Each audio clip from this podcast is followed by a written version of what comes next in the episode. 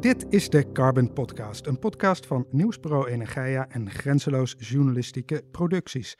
Ik ben Tijdo van der Zee en in tien afleveringen duiken we in de wereld van de CO2-emissierechten. Eh, vandaag de laatste aflevering van het seizoen. En met wie beter af te sluiten dan met wie wel de geestelijk vader van het ETS wordt genoemd, Jos Del Beke. Met hem gaan we uitzoomen en proberen we onder meer de vraag te beantwoorden: is het Europese CO2-emissiehandelssysteem een succes? We beginnen vandaag weer met de inleiding door Jos Kozijnse, emissiehandel-expert bij de Climate Neutral Group. En we sluiten straks af met een blik op de CO2-koersen met Chris Guth, marktkenner bij Engie. Maar nu eerst Jos Kozijnse. Nou, hoe ziet emissiehandel dan over 20, 30 jaar uit? Vijf dingen zijn belangrijk. Uh, eh, ETS, het emissiehandelssysteem, dat wil scherpere doelen halen. Dat betekent dat je steeds meer het CO2-budget afbouwt. Dus in 2050 gaat het naar nul en wellicht al in 2040. Dus dan zijn er geen emissierechten meer beschikbaar en niet meer nodig. Ten tweede is het belangrijk om de rijkwijde te vergroten. Dus waarschijnlijk zullen alle upstream uh, op de markt gebrachte uh, brandstoffen onder emissiehandel vallen. Ten derde is het belangrijk om klimaatbeleid betaalbaar te houden. Er zal een redelijke prijscorridor zijn die hoog genoeg is om te switchen naar minder emissies. En ook kan het extra cash brengen als dat nodig is. Ten vierde, ruimte en flexibiliteit. Er zullen diverse sectoren, spelers en landen aangesloten worden die diverse CO2-kosten hebben, zodat bijvoorbeeld de lucht- en zeescheepvaart netto kopers zullen blijven van emissierechten. Ten vijfde, het ETS is ook een belangrijke brug naar internationale samenwerking. We zullen als Europese Unie handelen met handelspartners die ook emissiehandel hebben, heb je geen emissiehandelssysteem, dan moet je of CO2 vrij importeren in Europa, of je levert emissierechten in. En ik denk dat voor 2030 het ETS Parijsakkoord carbon credits zal gaan innemen, de ITMO's, International Transferred Mitigation Outcomes. Voor de laatste emissies om na 2040 negatieve op CO2 te scoren. Dan heb je zelf geen emissies meer, maar er is nog wel een internationale klimaatopdracht. Mondiaal moeten emissies naar nul. En dat zal ten eerste gaat het over letterlijk negatieve CO2-projecten, direct air capture, maar ten tweede kan het ook negatief op de balans scorende reductieprojecten het zuiden betreffen. Die ontwikkelingen zullen geleidelijk gaan. Upstream zal men beginnen met commerciële transport en gebouwen en later particulieren. de kleintjes zullen nog erbuiten blijven. En internationaal zal er steeds meer alignment komen van ETS-systemen en domestic carbon taxes met projectcredits die je kan offsetten. Er zal geen ruimte meer zijn, denk ik, voor filantropie en vrijwillige targets, maar alle emissies zullen gereguleerd worden, met CO2-handel of een tax. Nou, na 2060 zal er dan geen emissiehandelssysteem meer hoeven te zijn. Dan hebben we een gedecarboniseerde economie en gaat de innovatie in circulaire plant-based, proteïne-based economie zonder emissiemechanismes en is de koolstofbalans weer in evenwicht. Er zullen nog wel wat internationale projecten draaien die afkoelen en methaan en CO2 uit de lucht halen om overshoot op te vangen. Veengebieden en toendra met methaan en poolkappen kunnen nog dreigen los te komen. Het publieke klimaatdoel is bereikt, fossiele emissies en emissiehandel zijn er niet meer nodig.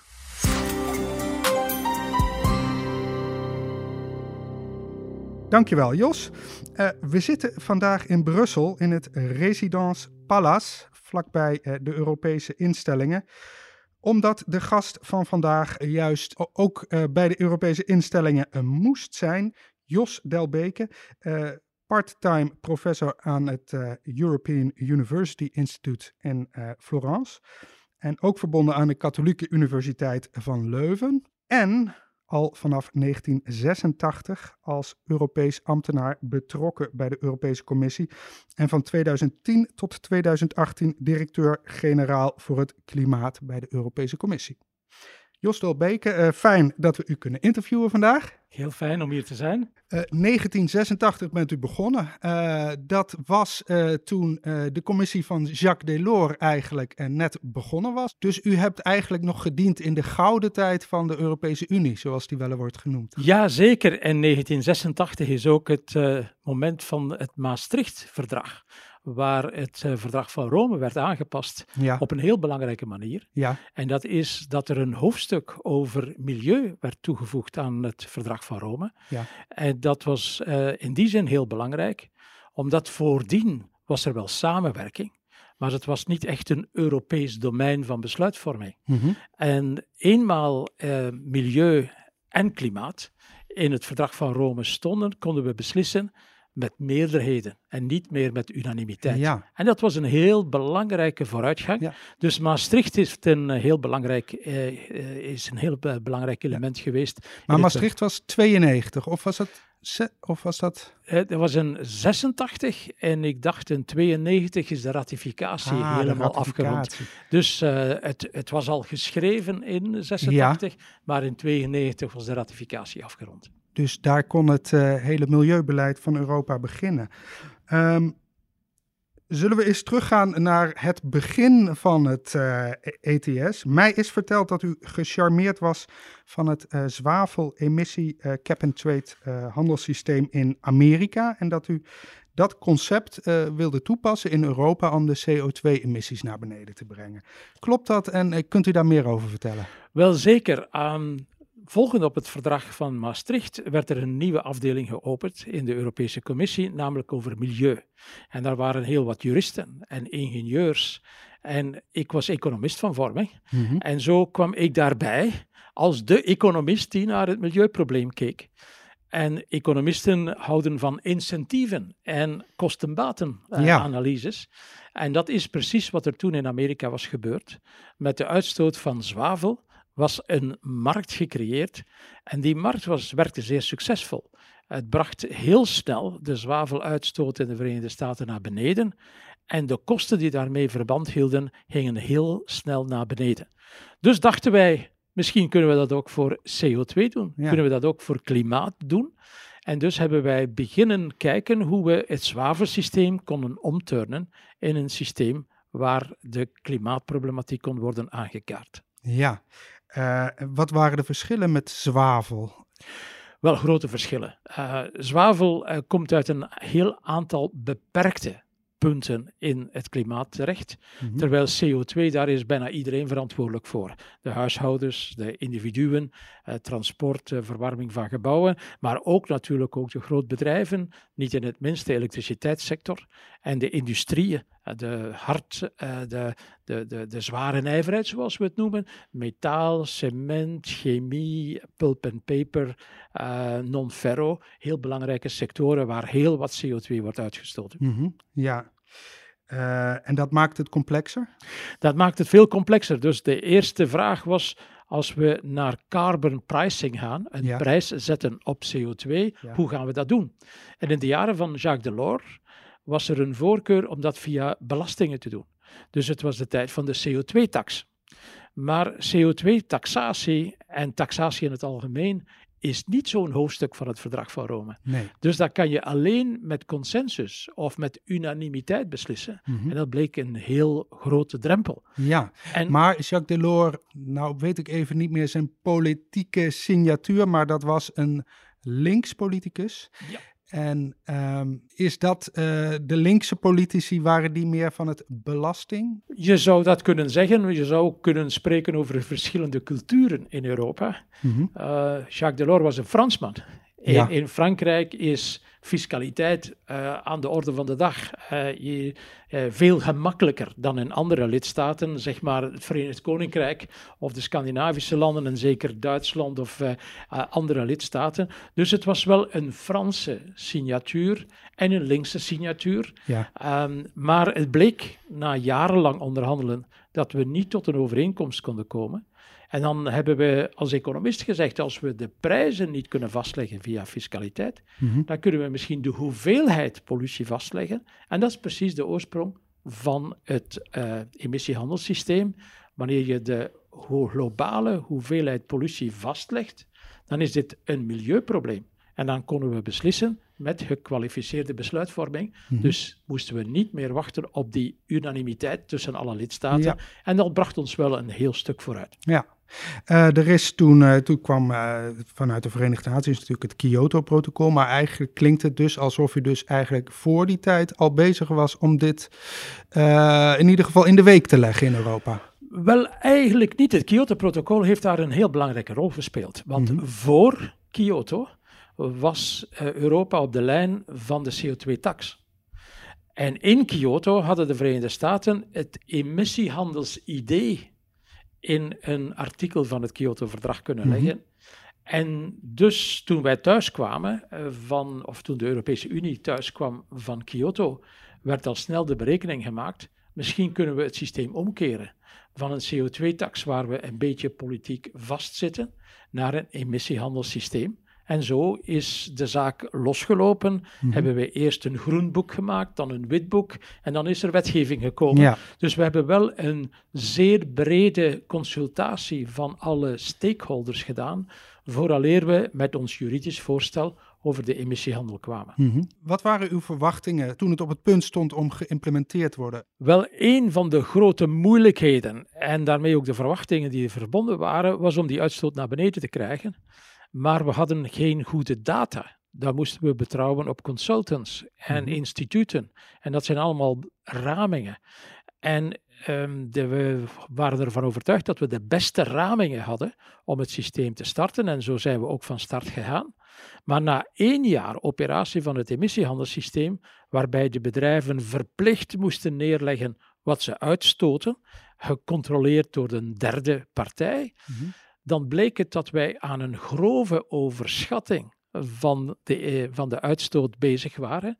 En dat heeft gemarkeerd dat in het eerste jaar er een overaanbod was van allowances en de prijs dus naar nul is gegaan. De spotprijs voor het eerste jaar in de emissiehandelsmarkt is naar nul gegaan. Natuurlijk, het systeem stopte niet na één jaar en we hadden forward pricing uh, systems en door die uh, prijzen voor de toekomst hebben we het systeem kunnen rehabiliteren, zeg maar. En hadden we vrij solide prijzen voor dat moment op onze markt. Mhm. Heeft de industrie uh, toen nog geklaagd van nou, uh, laten we het gewoon zo houden zoals het is? Ja, maar iedereen zag wel dat het een beetje een probleem was. Je kan geen emissiehandel hebben waar de prijs nul is. Nee. Uh, dat is een overallocatie, dat brengt de uitstoot helemaal niet naar beneden. Dus we zaten voor een collectief probleem dat we collectief mhm. moesten oplossen. En dat hebben we ook natuurlijk gedaan. De zorg van de bedrijven was eerder dat de eerste allocatie bijna helemaal een gratis allocatie was. Mhm. En dan zijn we heel snel overgegaan naar veiling van emissierechten. En dat gaf ook belangrijke inkomsten. En dus vandaag hebben we een veilingssysteem dat 60% van de, van de emissie allowances, de certificaten die op de markt worden gebracht, worden via veiling op de markt gebracht. En dat heeft heel wat belangrijke inkomsten, die trouwens doorvloeien naar de lidstaten die ze mhm. gebruiken voor klimaatbeleid te voeren. Ja. Uh, hoe zou u op dit moment het ETS kenschetsen? Is het een markt? Is het een beleidsinstrument? Is het iets daartussenin? Uh... Wel, het is een markt, maar het is ook een beleidsinstrument. Uh, het beleidsinstrument is dat je de totale hoeveelheid uitstoot vastlegt bij wet. Dus dat is wat beleid maakt. Dat is de interventie door de overheid. Mm Maar dan laat je een vrij grote flexibiliteit aan de marktoperatoren, aan de bedrijven, om zelf hun uitstoot naar beneden te brengen of om certificaten bij iemand anders te kopen. Dat betekent dat je iemand anders betaalt om die uitstoot naar beneden te brengen. En dat is een zero-sum game. Binnen dat totaalplafond ga je naar beneden mhm. en laat je de vrijheid aan de ondernemingen om te beslissen hoe ze het zullen doen. Op de meeste kostenbesparende manier. En dat is dan ook de charme van een emissiehandelssysteem, dat het de uitstoot verlaagt aan de laagste kost. Ja. En dat is wel niet onbelangrijk. Nee. Ehm, in dat kader, ik vind het uh, wat dat betreft ook, misschien ook wel uh, uh, goed om te kijken van nou, wat is uw visie daarop? Ik zag op de Belgische VRT een interview met u voorbij komen uit 2018. Heel andere wereld, ik geef het toe. Maar in, daarin pleit u voor gascentrales in plaats van kerncentrales in België. met als argument van ja, we hebben een Europees plafond voor emissierechten. Dus we zijn hier misschien wat meer geld kwijt aan emissierechten, maar elders zal dat dan weer bespaard worden, want we hebben dat plafond. Als ik het goed samenvat. Maar als ik dat dan interpreteer, dan hoor ik iemand die zegt, inderdaad, zoals u net al zegt, binnen de kaders die gesteld zijn, is het ETS een vrije markt waarin je je eigen keuzes mag maken. Um, klopt dat? Ja, dat klopt. En het klopt ook dat de wereld natuurlijk helemaal anders in elkaar zit nu, gegeven mhm. de oorlog in Oekraïne. En het verdwijnen van het goedkope Russische gas. Mhm. Eh, wat we hadden onder de ETS was dat wij heel snel de uitstoot naar beneden konden brengen door een massale verschuiving van elektriciteitsopwekking op basis van steenkool mhm. naar elektriciteitsopwekking op basis van gas. Dus de fameuze fuel switching from coal to gas. Mhm. Eh, dat heeft bijzondere goede resultaten neergelegd. Maar natuurlijk sinds 24 februari, de oorlog in Oekraïne, het verdwijnen van het Russische goedkope gas, keert deze logica totaal om. Mhm. Nu, dat keert de logica van de ETS niet om. Er zijn heel wat energiebesparingen die we kunnen doen. We kunnen hernieuwbare energie inzetten. We kunnen onze uitstoot uh, naar omlaag brengen in de staalsector, in de cementsector, etc. Maar de meest voor de hand liggende manier in 2018 was de fuel switching van coal to gas. Die fuel switching is nu omgekeerd omdat uh, in de huidige energiecontext is steenkool, zelfs met de toeslag van relatief hoge CO2-prijzen, is, CO2, uh, eh, pardon, is steenkool verbruiken aantrekkelijker dan gas verbranden, omdat gas zo verschrikkelijk duur is geworden.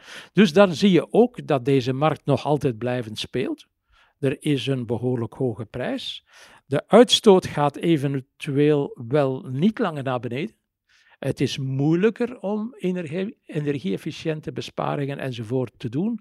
Uh, maar het systeem heeft toch wel heel veel zin. Want die relatief hoge CO2-prijs die heeft een signaal aan onze ondernemingen dat ze moeten investeren in lage CO2-investeringen, eh, installaties in de staalsector, de mhm. cementsector, de chemiesector, de non-ferro-sector. En dat is natuurlijk heel nieuwe technologie. Dat duurt een beetje langer. Het is niet zo snel als de coal-to-gas switch. Dat was een quick fix. Nu is het ietsje moeilijker. Ja. En uh, vandaar ook dat die prijs uh, die we vandaag hebben zo belangrijk is. Om die investeringsoriëntatie van onze bedrijven in goede banen te leiden. Mhm. De politiek weet het ETS regelmatig uh, te vinden. Nou, we hadden eerst uh, de economische en financiële crisis in 2008. Uh, eh, toen ging de prijs van CO2 naar beneden. Uh, hoe heeft u dat destijds ervaren? Ja, dat was een, een koude douche. Um, in 2008 was is er gebeurd bankencrisis, gevolgd door een recessie, mm -hmm. een teruggeloop van de economische activiteit. Wat betekent dat? Minder elektriciteitsverbruik, minder uh, staalproductie, minder cement, minder chemie enzovoort. En dus die energie-intensieve sectoren, die waren zwaar achteruit gegaan. Nu, we hadden onze cap, onze totale hoeveelheid uitstootrechten, bij wet vastgelegd. En dus die, het aanbod van die rechten bleef gelijk, maar de vraag naar die certificaten, naar die uh, allowances, mhm. die uh, bleef heel laag. Vandaar dat de prijs bijzonder laag was. En de prijs was beneden de 10 euro. Een prijs die je bezwaarlijk een goed incentief kan noemen om investeringen aan te sturen om CO2 te besparen.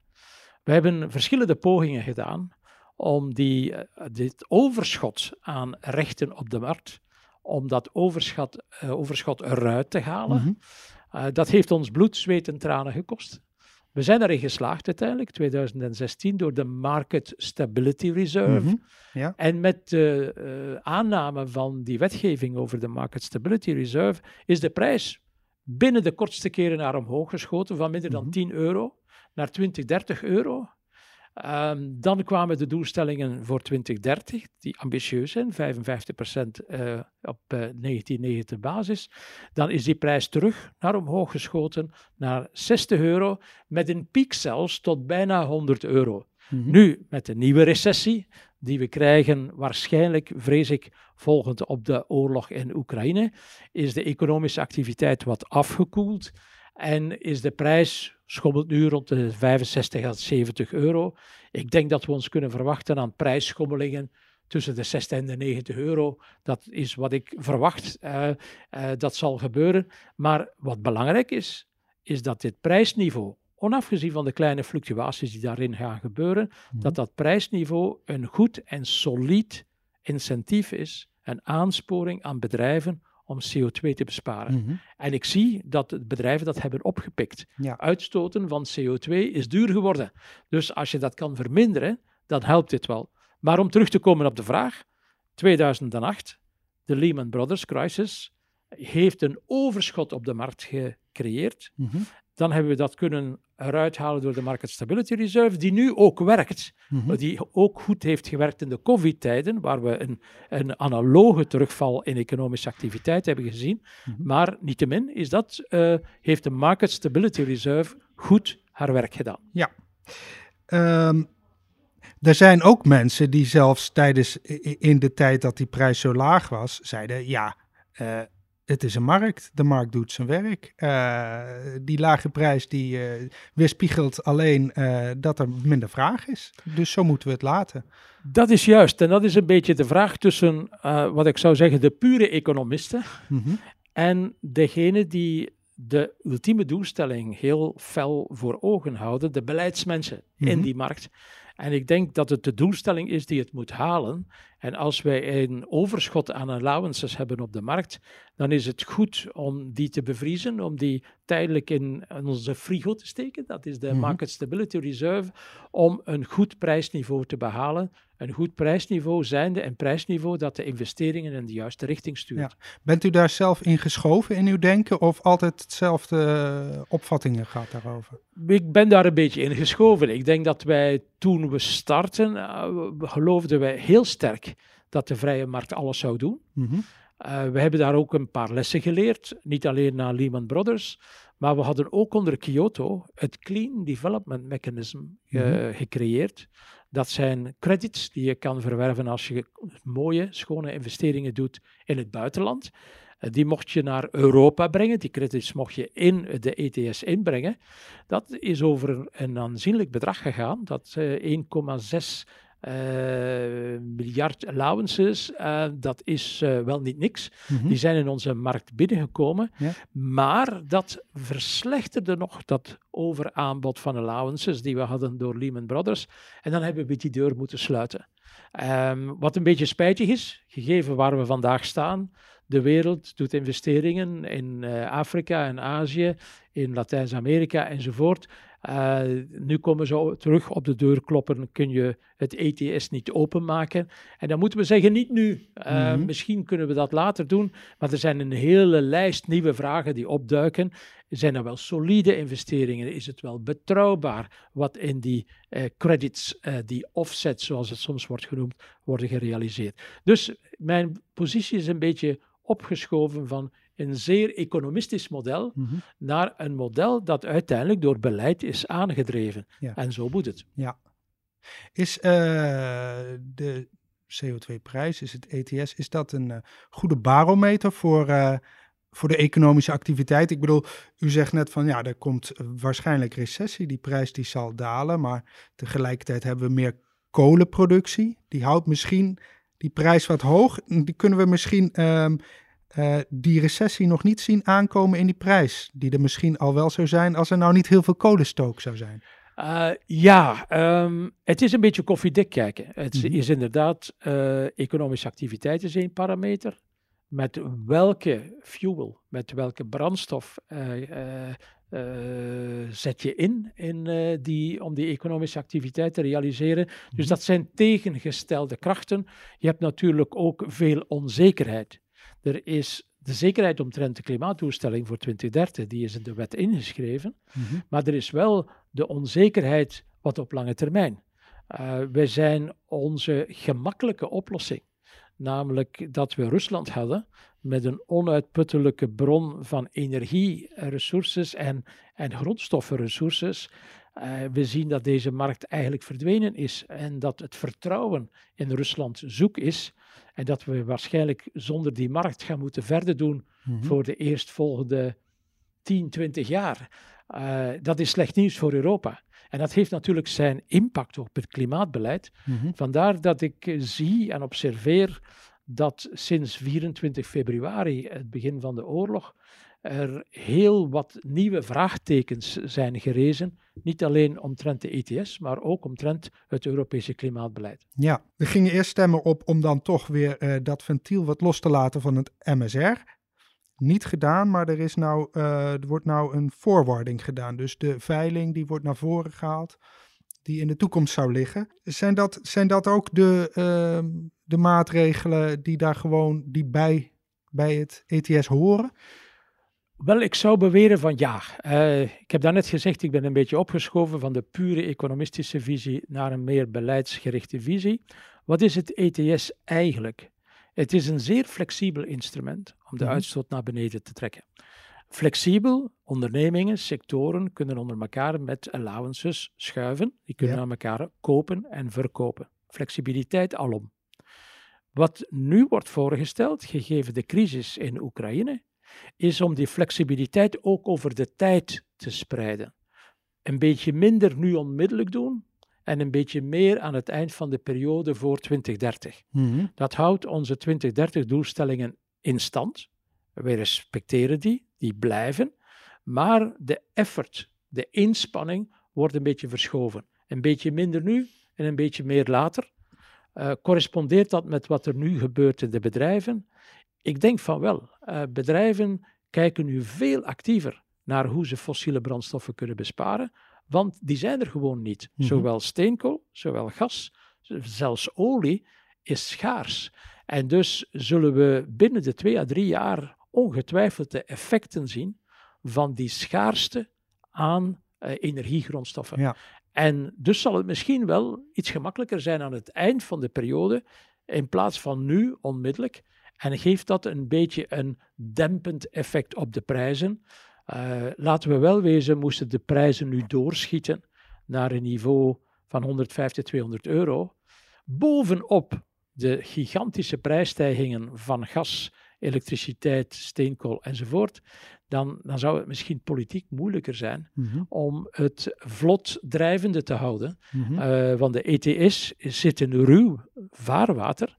En het vaarwater is dat de energiemarkten zo onvoorspelbaar zijn.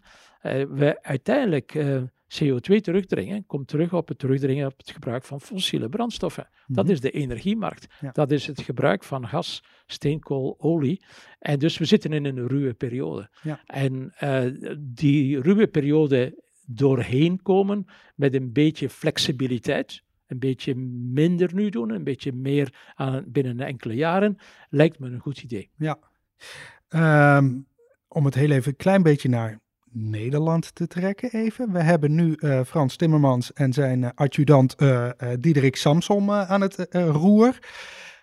Ehm, hoe doen zij het als het aankomt op het ETS of klimaatbeleid? Ik denk dat zij het zeer goed doen. laten we wel wezen, Ehm, de doelstellingen die zij hebben kunnen uh, geaccepteerd zien en in wetgeving neergelegd zien voor 2030 en 2050 zijn ernstige doelstellingen. Dat maakt ons een klimaatneutraal continent waar er een heel grote economische omschakeling voor nodig is. Dat hebben ze voor elkaar gebracht in termen van doelstellingen. Mhm. Nu moeten we nog het instrumentarium uh, goedkeuren om dat uh, te realiseren. En daar zijn we goed op weg. Uh, natuurlijk komt daar de oorlog tussen, uh, die de zaken niet eenvoudiger maakt. Maar ik moet wel zeggen dat de duo Tindermans-Samson in de Europese besluitvormingsfabriek de zaken wel heel hoog op de agenda weet te houden. En ik denk dat dat wel in grote mate hun verdienste is. Ja. ja. Um, er zijn over de wereld een heel stel ETS'en inmiddels in werking of in de maak. Kijk, wij zitten in Europa met de, uh, de, de besluitvorming van 28 inmiddels lidstaten, dacht ik. Um, maar dat van het Verenigd Koninkrijk, uh, dat wordt gewoon besloten door de regering. En misschien met door het parlement. Ziet u dat dat, dat soort ETS'en makkelijker tot stand komen? Wel, ik betwijfel dat. Er is één grote wet van ETS'en.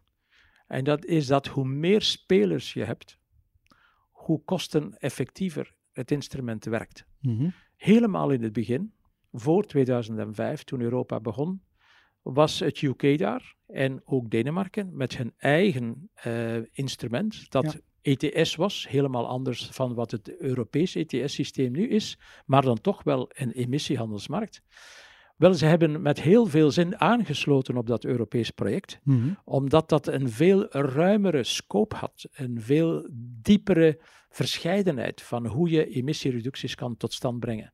Dus je hebt een grote schaal nodig om dat goed te doen werken. Nu, je kan zeggen, politiek is dat niet eenvoudig. Je moet met 27 eh, lidstaten, in, eh, in Europa komen daar ook nog Noorwegen, IJsland enzovoort bij. Dus we zijn ook verbonden met, IJs, met Zwitserland. Pardon. Mhm. Dus uh, meer dan 30 landen moeten ergens overeenkomen over hoe ze de zaken doen. Maar dat, denk ik, is misschien de verborgen charme van de Europese besluitvorming. Het nadeel is, het gaat traag. Mhm. Want je hebt zoveel interesses, zoveel verschillende nationale visies, zoveel verschillende insteken naar het probleem. Dus dat vergt een groot debat, een lang debat. Uh, te lang naar de smaak van velen in de lidstaten. Aan de andere kant, eenmaal je al die belangen hebt afgewogen en hebt besloten om iets in wetgeving neer te leggen, dan blijft dit ook. Mm Dat geeft dus ook stabiliteit. En die stabiliteit is de verborgen charme van de Europese besluitvorming, waar ik soms vrees dat in de nationale context dat er meer uh, uh, swings mogelijk zijn tussen meerderheden van links of van rechts. Uh, een beetje zoals we in het Verenigd Koninkrijk zien. Je weet niet altijd in welke richting het gaat. Ik zou zeggen, ehm, Europa is een lastige manier van besluitvorming, maar een vrij stabiele manier van besluitvorming. En die stabiliteit, dat komt uit het emissiehandelssysteem en het klimaat, uh, de klimaatreductie die we moeten uh, teweegbrengen, uh, dat komt dat ten goede. Ja. Vanuit de Europese Unie, ik weet niet precies wie daarvoor gepleit heeft, maar ik las dat de Europese Unie eigenlijk wilde dat het Verenigd Koninkrijk binnen het ETS zou blijven na de brexit dat was ook mijn persoonlijke hoop. Ik heb het begin van de Brexit meegemaakt. Ik denk dat heel wat mensen in de UK uh, eh, daar wel voor te vinden waren. Mhm. Maar de dynamiek van de Brexit uh, overschaduwde de, de, de, preferenties van de mensen die op klimaat en milieu werkten. Dus dat was uh, snel een uitgemaakte zaak dat zij de ETS zouden verlaten. Maar ik sluit niet uit dat eenmaal de Brexit-troebelen een beetje gekalmeerd zijn, dat we misschien discussies krijgen om de UK terug te laten aansluiten aan het Europese systeem, perfect zoals we met Zwitserland hebben gedaan. Ja, ja. Uh, u zegt net, de Europese besluitvorming is uh, toch wel uh, mooi, ehm, maar gekwalificeerde meerderheid van stemmen. Is het zo dat een land als Polen eigenlijk structureel tegenstemt, maar dat ze geen blokkerende minderheid weten te vormen? Dat is perfect mogelijk. Dat is uh, herhaaldelijk voorgekomen in het verleden. Mhm. Eh, maar ik wil er wel op aanmerken dat Polen perfect zich insluit in de Europese emissiehandelsmarkt. Dat is misschien een andere verborgen charme, dat je wel emoties kan hebben en politieke preferenties mhm. die werken tegen wat een aantal lidstaten willen. Maar als er dan een meerderheid is, dan wordt verwacht dat iedereen zich daarbij neerlegt. En als ik vandaag zie de transformatie daar, waar Polen is doorheen gegaan, het belang van steenkool neemt zeer snel af. Mhm. De opbouw van hernieuwbare energie, ook de nieuwe technologieën, batterijen enzovoort, die in Polen gerealiseerd worden, is ongelooflijk belangrijk. En we moeten dat niet minimaliseren. Ten dele ook dankzij de resources, dankzij de inkomsten uit de ETS, worden er subsidieringsprogramma's opgezet voor de opbouw van hernieuwbare energie. De offshore wind in de Baltic Sea uh, is er één voorbeeld van. Dus uh, misschien is dat ook wel een verborgen ja. uh, element van de Europese besluitvorming, dat landen die een beetje met de voeten slepen wanneer een beslissing moet worden genomen, eenmaal de beslissing is genomen, in het verhaal meegaan mm en het dan ook wel uitrollen en ja. uitvoeren.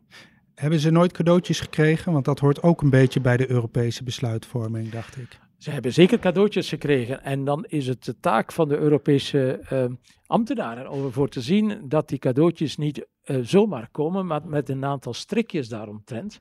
En de Polen hebben inderdaad heel wat resources, heel wat uh, financiële middelen gekregen uit de ETS. Mhm. Maar die moeten ze wel investeren in energiebesparing of in hernieuwbare energie. En dat brengt terug de globale doelstelling terug binnen bereik. Ja. Um, het ETS is mm, gevormd door vallen en opstaan, 20 jaar lang. Uh, is het ook het best denkbare ETS? Of zijn er in de wereld ETS'en die misschien beter zijn vormgegeven dan het Europese? Wel, ik denk niet dat er voor het moment althans betere ETS-systemen zijn. Dus de vraag is dat je het moet vergelijken met andere vormen van overheidsregulering. uh, je zou kunnen zeggen, uh, we hadden specifieke uh, standaarden of benchmarks moeten opleggen aan de sector van staal of cement of elektriciteitsopwekking. Maar het alternatief aan een ETS, aan één ETS, is tientallen instrumenten van besluitvorming. Dus de bureaucratie die daarmee zou gepaard gaan, zou vrij groot zijn geweest. Mhm. En dus de flexibiliteit van de ETS, die sommigen appreciëren, sommigen minder appreciëren, maakte al vast dat we met één instrument de doelstelling, de helft van onze Europese klimaatdoelstelling kunnen realiseren, wat niet onbelangrijk is. Al die aparte instrumenten van besluitvorming negociëren, dat had ons voor heel lange tijd zoet gehouden, waarbij we ons niet konden concentreren op wat in de werkelijk lange termijn noodzakelijk is.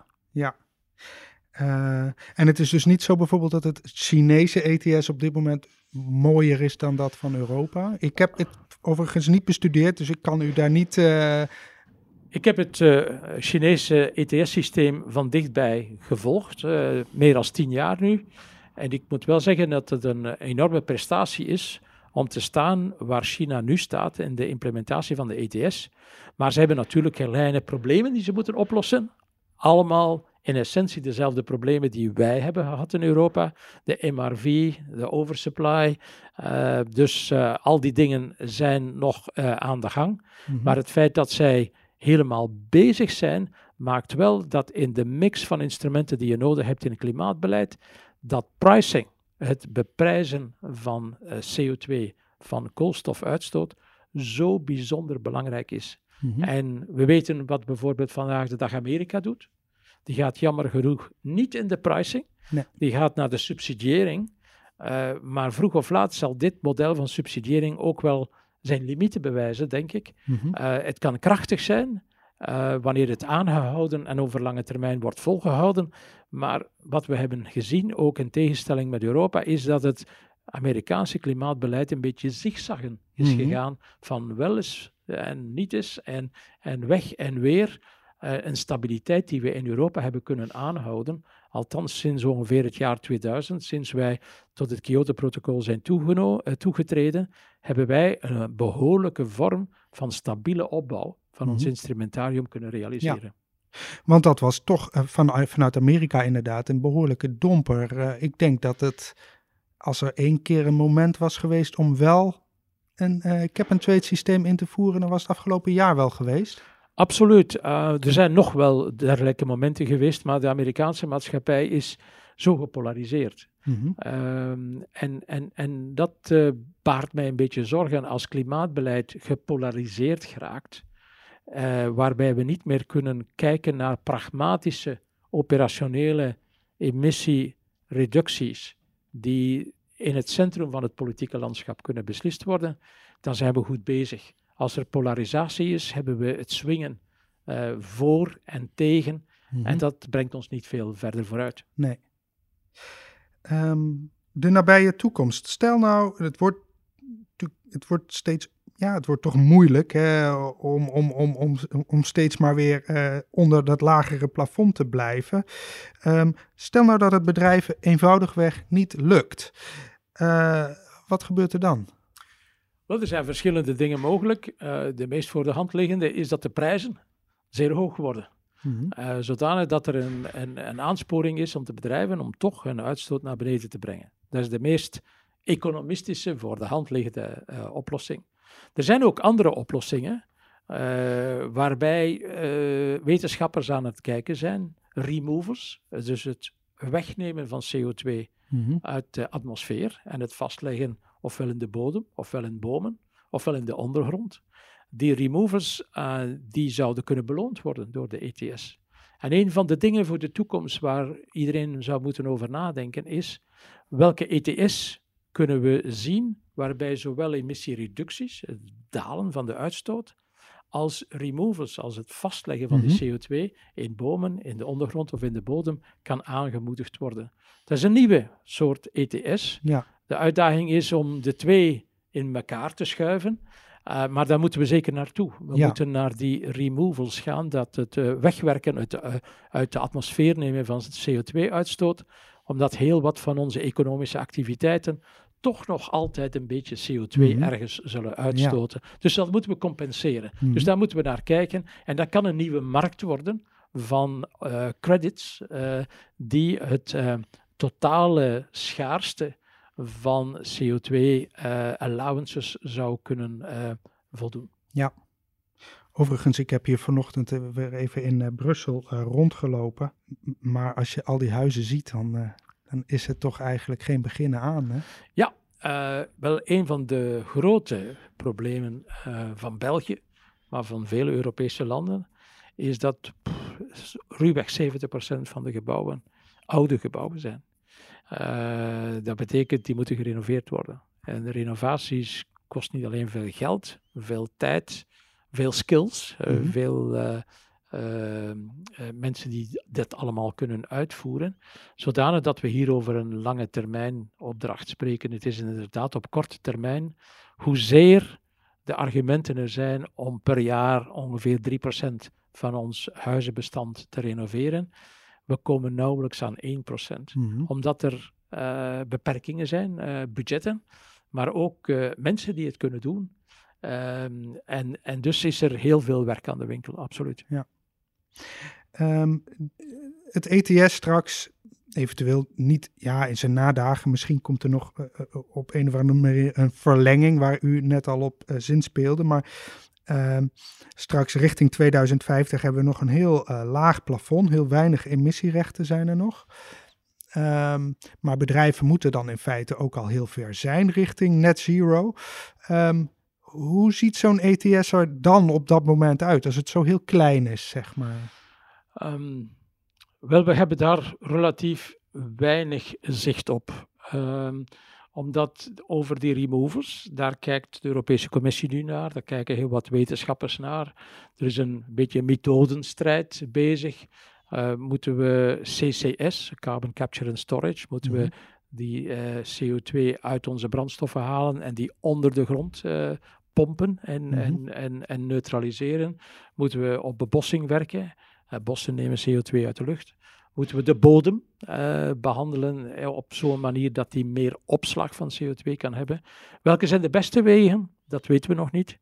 Uh, er is ook direct air capture, waarover men Ja, maar als we, de, als we dat allemaal nog niet doen, want dat zijn de negatieve emissierechten, of negatieve emissies. Maar eh, als dat geen onderdeel wordt van het ETS, dan krijg je op een gegeven moment een langzaam krimpend ETS, mhm. wat ja, ja, klein is. Ga je dan naar extreem hoge prijs of hoeft dat niet? Of eh, is er dan nog sprake van een markt?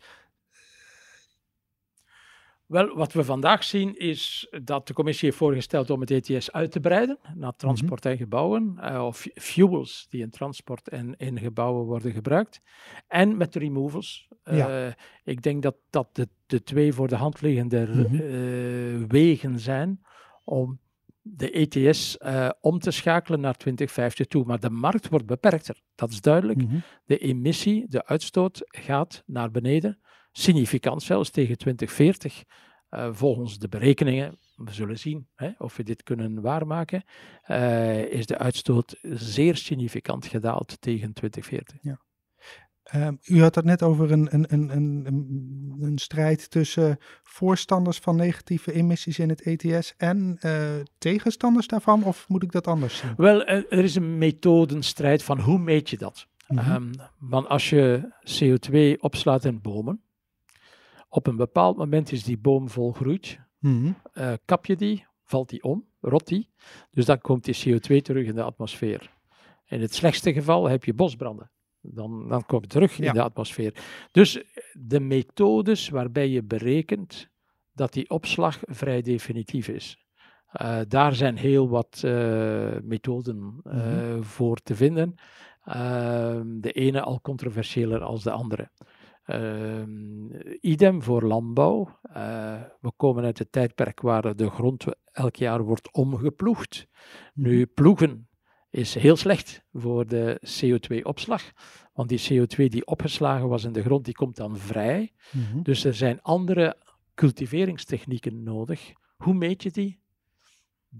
wat plant je dan of wat zaai je dan op die velden? Uh, daar zijn heel wat discussies over. Over welke teelten wel eens, niet eens, mhm. veel CO2 opnemen enzovoort. Ja.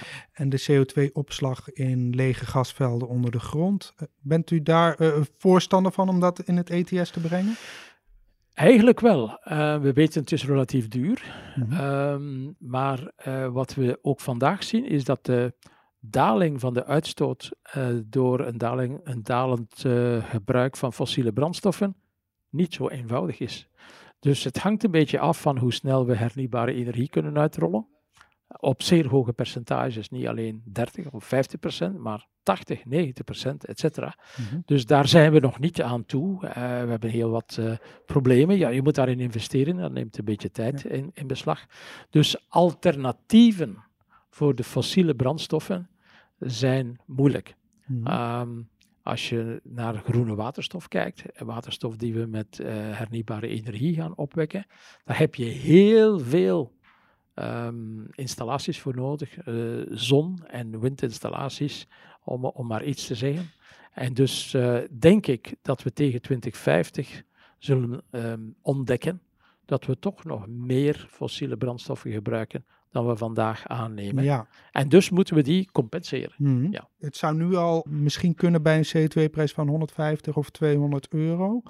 Dat is best mogelijk. Uh, die prijzen zullen nodig zijn om economische uh, operatoren, bedrijven, mhm. ertoe aan te zetten om die CO2 onder de grond te pompen. Hè. Dat kost een beetje geld hè, mhm. om die CO2 af te scheiden, om die te vervoeren en om die te stabiliseren in de ondergrond. Uh, als de markt, de CO2-markt, de emissiehandelsmarkt daarvoor kan betalen, dan zou dat een heel mooi concept zijn. Ja, heeft u eigenlijk uh, over het algemeen een bepaalde favoriete prijs in, in uw hoofd? Of voor de... um, niet echt, uh, maar ik denk dat de prijs die we nu hebben een vrij goede prijs is. Het is niet te hoog, het is niet te laag. Mm -hmm. ik, ik verklaar me nader, als de prijs te laag is, dan is er geen aansporing aan economische operatoren om uh, CO2 terug te dringen. Als de prijs te hoog is, dan krijg je tegenkrachten. Dan krijg je mensen zoals de Gilets jaunes in uh, Frankrijk die zeggen: ja, maar die brandstof wordt voor ons te duur. Mm -hmm. Bepaalde bedrijven die wegtrekken. dus het is zaak om het juiste evenwicht te vinden. En terugkijkend op 25 jaar klimaatbeleid en hoe je 20 jaar uh, emissiehandelsmarkt, denk ik dat we de prijs die we nu hebben, een vrij behoorlijke en operationele prijs is. Ja. Wanneer is, een, nou, wanneer is het EU-ETS een succes? Uh, wanneer het de uitstoot naar beneden brengt, in essentie. En daar zitten we nu met een beetje met het probleem sinds de oorlog in Oekraïne. Mm -hmm. Het systeem heeft een goede prijs, dus een lange termijn prijssignaal is er. Maar de uitstootdaling is wat stilgevallen door mhm. een verhoogd gebruik van steenkool, eh, meer in het bijzonder. Dus dat baart mij wel zorgen. Dus ik hoop dat de oorlog snel voorbij is. Niet alleen omdat de oorlog zo'n zinloze activiteit is, maar ook en vooral omdat uh, onze uitstootdaling een beetje is stilgevallen. Ja, en dan is er dus geen sprake van een succes. Eh, ja, dat is juist. Uh, maar dat geldt voor alle instrumenten van klimaatbeleid. Mm -hmm. Dat geldt evengoed voor onze normering op uh, energieefficiëntie of uh, hernieuwbare energie of reglementering van auto's. dus dan valt, vallen al onze beleidsinstrumenten een beetje tegen. En dan is het enige wat we kunnen doen, is innovatie, technologische innovatie uh, aansporen. En dat is een beetje waar we nu in zitten in deze periode. Um, de, het, het, wegvallen van Rusland, uh, niet alleen van energiegrondstoffen, maar ook van um, uh, raw materials. Dus mm -hmm. de grondstoffen die we nodig hebben voor onze hernieuwbare energie en de batterijen en de auto's van de toekomst enzovoort ja, een groot deel van die markt is weggevallen. En mhm. dat uh, baart me wel zorgen, ja. ja. Ik heb een beetje het gevoel, als die oorlog nou niet was begonnen, dan was de komende tijd, het is allemaal als natuurlijk, dan was de komende tijd misschien wel de tijd geweest voor het ETS om zich te bewijzen. Alsof dan de eerste twintig jaar dan toch die aanloopperiode waren. Of, of is dat uh, gek gedacht? Wel, uh, tot net voor de oorlog tot zes maanden voor de oorlog. Toen was het gemanipuleer op de energiemarkten al een beetje uh, aanwezig. Maar tot in 2021 uh, denk ik dat het indrukwekkend was wat de ETS heeft tot stand gebracht in termen van reductie van de uitstoot. Mhm. Tussen 2017 en 2021 was er een spectaculaire daling van de uitstoot. Dus uh, de ETS was wel heel goed bezig. Elk reglementair ander instrument had deze uitstoot niet zo snel en zo krachtig kunnen teweegbrengen. Mm Maar terug met de oorlog uh, is, eh, zijn de normale verhoudingen op de energiemarkt verdwenen. En de ETS werkt natuurlijk in op de energiemarkt en voornamelijk de energiemarkt van fossiele brandstoffen. En dat is waar we nu doorheen moeten weten te, te zeilen. Um, ja, het systeem uh, verwekt geen uh, daling van de uitstoot meer. Maar dat is zo voor heel ons klimaatbeleid, uh, vrees ik, waar onze uitstootdaling van de voorbije jaren even is on hold gezet. -hmm. Ziet u het als uw taak om het ETS door die woelige zee heen te laveren? Ja, daar, daar, werk ik wel zeer hard aan. Ik doseer in uh, Firenze. Ik leid heel wat jonge mensen op, want we hebben hier nu een zeer Europees debat gehad. Mhm. Maar het debat is ook wat er in de opkomende industrielanden gebeurt. We hebben het daar net even over China gehad.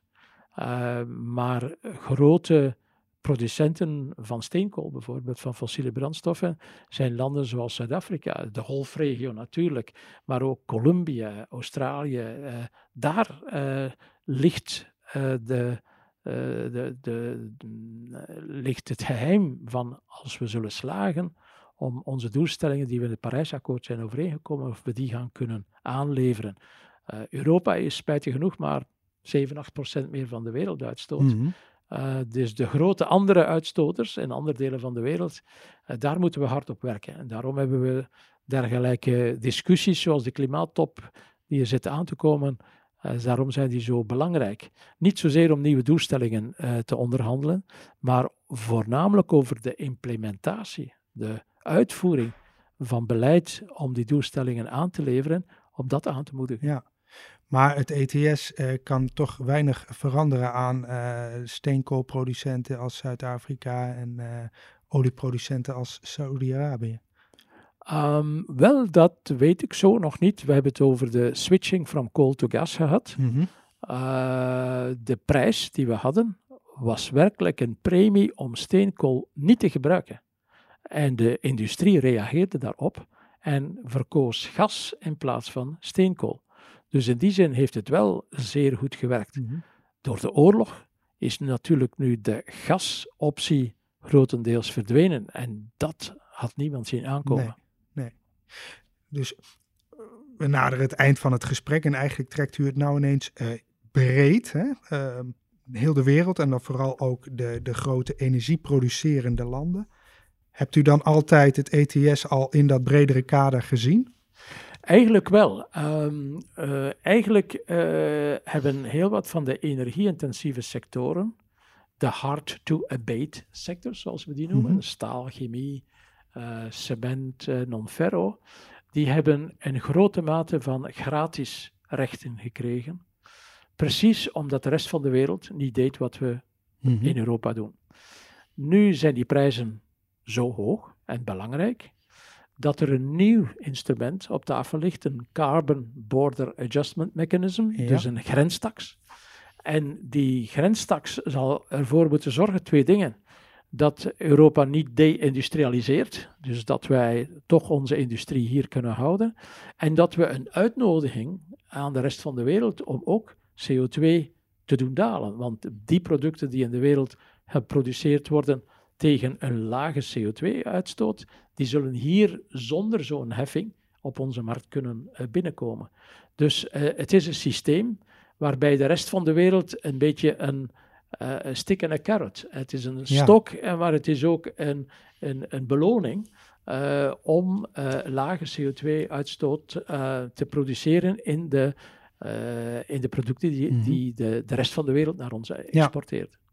Maar dat CBAM, dat is nu ook weer onderwerp van politiek debat. En, en ook lijkt het nu ook in die woelige gebaren van de wereldeconomie ook lastig te realiseren te zijn. Ja, maar de CBAM komt er. Um, waar we het over aan het discussiëren zijn, zijn enkele modaliteiten. Maar die CBAM komt er en die CBAM hebben we ook nodig mm -hmm. om die hoge CO2-prijzen die we nu hebben te behouden. En in de toekomst zullen die hoge CO2-prijzen in het perspectief van 2050 nog hoger worden. Dus uh, die CBAM die hebben we nodig. En die komt er ook. De vraag is met tegen welke modaliteiten, wanneer precies. Uh, en hoe kunnen we in het kader van die SIBA met de rest van de wereld samenwerken? En dat doe ik een beetje in Firenze. Uh, mm-hmm. Daar hebben we heel wat debatten met de rest van de wereld. Die ons komen uitleg vragen, hoe doen we dat in Europa? Uh, omdat zij analoge systemen willen uitrollen in eigen land. En ik zie wel hoopvolle tekenen eigenlijk. die CBAM is werkelijk goed aangekomen ja. Eh, op beeldvlak. En zeker bij degenen die massaal exporteren naar onze landen. Mm Dus met CBAM wordt in zekere zin, nou ja, zo kan ik het niet precies zeggen, maar wordt een ETS dan wereldwijd? Wel, dat is uh, op een zeer lange termijn misschien wel, maar we zullen hybride systemen krijgen. Ik, krijg, ik kijk vandaag de dag met heel wat interesse wat op de vrijwillige mm -hmm. markt, uh, carbonmarkt aan het gebeuren is. Uh, daar is er, is er een mengeling van greenwashing met heel zinvolle dingen. Dus als we daar het kaf van het koren konden scheiden, uh, dan gaat misschien een groot deel van de wereld meer in een vrijwillige carbonmarkt op. maar dan moeten we kijken dat wat beweerd wordt aan uitstootvermindering te realiseren, dat dat ook in de feiten verifieerbaar is. Ja. En daar zijn we nog niet. Uh, maar daar is heel wat werk aan de winkel. Um, en er zijn heel wat activiteiten aan de gang. Uh, ik zie de Londense Stock Exchange. Um, ik zie heel wat initiatieven in die voluntary carbon-markt om, omtrent de integrity, hè, de integriteit, de credibiliteit, om dat in goede banen te leiden. En ik denk terug, het kaf van het koren moet gescheiden worden, maar dat er heel wat uh, nieuwe experimenten aan het groeien zijn, die misschien wel vergelijkbaar zijn over termijn, mm -hmm. op termijn met wat we in Europa hebben gedaan met de EU ETS. Ja, dus de, de, de wereld van de, van de emissierechten die is nog volop in beweging. Absoluut. Um, in Europa hebben we een matuur systeem. Mm -hmm. uh, dat we nu aan het herdenken zijn met die removals en uh, waar wat is de rol van deze EU-ETS in het perspectief 2050? In de rest van de wereld zijn er heel wat initiatieven bezig in alle continenten, in Latijns-Amerika, zeker ook in Azië. Ik zie dat Singapore ook een, uh, een exchange aan het opzetten is. Ik zie dat landen zoals Indonesië en andere, het moeten niet altijd over China en India hebben, maar heel wat andere landen ook aan het kijken zijn hoe zij CO2-intensieve producten uh, kunnen maximaliseren in hun uh, economie en via carbon pricing, door een prijs te zetten op CO2, hoe dat ze die kunnen verminderen in hun economie. Justo Beke, dank u wel. Graag gedaan. En dan gaan we tot slot nog naar Chris Guth met de actuele CO2-prijzen. Goedemiddag Chris. Dag Tijdo, goedemiddag. We hebben toch een sprongetje gezien volgens mij afgelopen week. Ja, we hadden een vrij uh, verrassende rally in mijn uh, optiek. Dus eigenlijk vanaf eind oktober, de laatste week van oktober, is de prijs met maar liefst 15 euro per ton opgelopen. En dat is ruim boven de 20%. Dus dat was zeker noemenswaardig. Ja, wat is nu de laatste stand? De laatste stand is dat wij net onder de 80 zitten. En hoe verklaar jij het? Ja, hier liggen mogelijk wel een aantal factoren aan ten grondslag. Laat ik beginnen met dat ik het wat verrassend vond, die, die, die, felle opleving. Ehm, ja, ik kan het mogelijk verklaren door een aantal zaken waarvan ik probeer altijd niet te technisch te worden, maar de energiesector die heeft nogal voor wat uitdagingen gestaan, met name gedurende de afgelopen maanden, waar die extreme prijsoplevingen van aardgas en elektriciteit de onderpandseisen nogal onder druk zetten. Dus de ja. onderpandseisen waren zo groot om te kunnen handelen in elektriciteit en gas, mhm. dat een aantal marktpartijen de aankopen voor emissierechten waar ook gewoon onderpandseisen voor gelden, uh, even links hebben laten liggen en mogelijk hebben uitgesteld. En nu dat die prijzen van elektriciteit en gas uh, de laatste maanden weer gehalveerd zijn, mhm. dat daar weer wat kapitaal vrijkomt om ook die uitgestelde emissierechten alsnog te gaan ja. uh, vastleggen. Dus dat zou één factor mhm. kunnen zijn. Andere factor is ook wel definitief, definitieve goedkeuring van een herstart van een aantal uh, bruinkool dan wel kolencentrales. Uh, dus er komt flink wat uh, capaciteit aan kolen online. Mhm. En ja, ik kan me voorstellen dat de eigenaren daarvan niet vooruitlopend uh, daarop alvast hun uitstoot gaan inkopen en vastleggen. Daar wacht je mee totdat zo'n definitieve goedkeuring eh, heeft plaatsgevonden. Waarna je vervolgens je kolen gaat zekerstellen en, en dus ook je uitstootrechten. En, en, omdat het om flink wat vermogens gaat, kan ik me echt wel voorstellen dat, uh, dat, dat, dat, dat uh, exploitanten van die kolencentrales en bruinkoolcentrales, met name in Duitsland, ja, aan het kopen geslagen zijn. Omdat zij natuurlijk voorzien dat ze gaan, gaan produceren. Ik moet bekennen dat als we even vooruitkijken, ik noemde het al, ik was enigszins verrast door die prijsopleving, mhm. maar het fundamentele plaatje uh, blijft in mijn optiek uh, geen uh, significant hogere prijzen rechtvaardigen. ik zie bijvoorbeeld dat voor de gasmarkt de gasprijs, nou ja, ik, aanzienlijk lager is, met name op de spotmarkt. Mhm. En dat zorgt ervoor dat op de hele korte termijn gascentrales competitiever worden dan kolencentrales. Met de helft van uh, emissierechten voor het produceren voor een, uh, van een megawattuur. Ja. Um, het warme weer zorgt natuurlijk ook dat de vraag enigszins getemperd wordt. Uh, het is vrij onstuimig als het gaat om de windsnelheden. Dus de, de windmolens die draaien uh, overuren de laatste dagen. En dat zorgt ervoor dat er minder vraag naar ja, conventionele uh, productie zich dan voordoet. Met minder, minder vraag naar emissierechten. Nou, dat zijn dus een aantal van die verklarende factoren. En dan maar hopen eigenlijk hè, dat, dat die warme temperaturen een klein beetje aanhouden. Hè. Dan komen we de winter wel door voor de schaatsliefhebbers jammer, maar voor iedereen die ook maar een beetje naar de energiemarkt kijkt, is het, uh, is het uh, fingers crossed en uh, hopen dat die schaatsen op zolder kunnen blijven dit jaar. Precies, ja. Hey Chris, dankjewel. Jij ook, Tijdo. Goed. Hoi. Dag. Dat was de laatste aflevering van dit seizoen. Volgend jaar een nieuwe serie met dan de focus op de hot items waar Jos Del Beke het zojuist over had: negatieve emissierechten en vrijwillige emissiehandelssystemen. Tot hopelijk volgend jaar.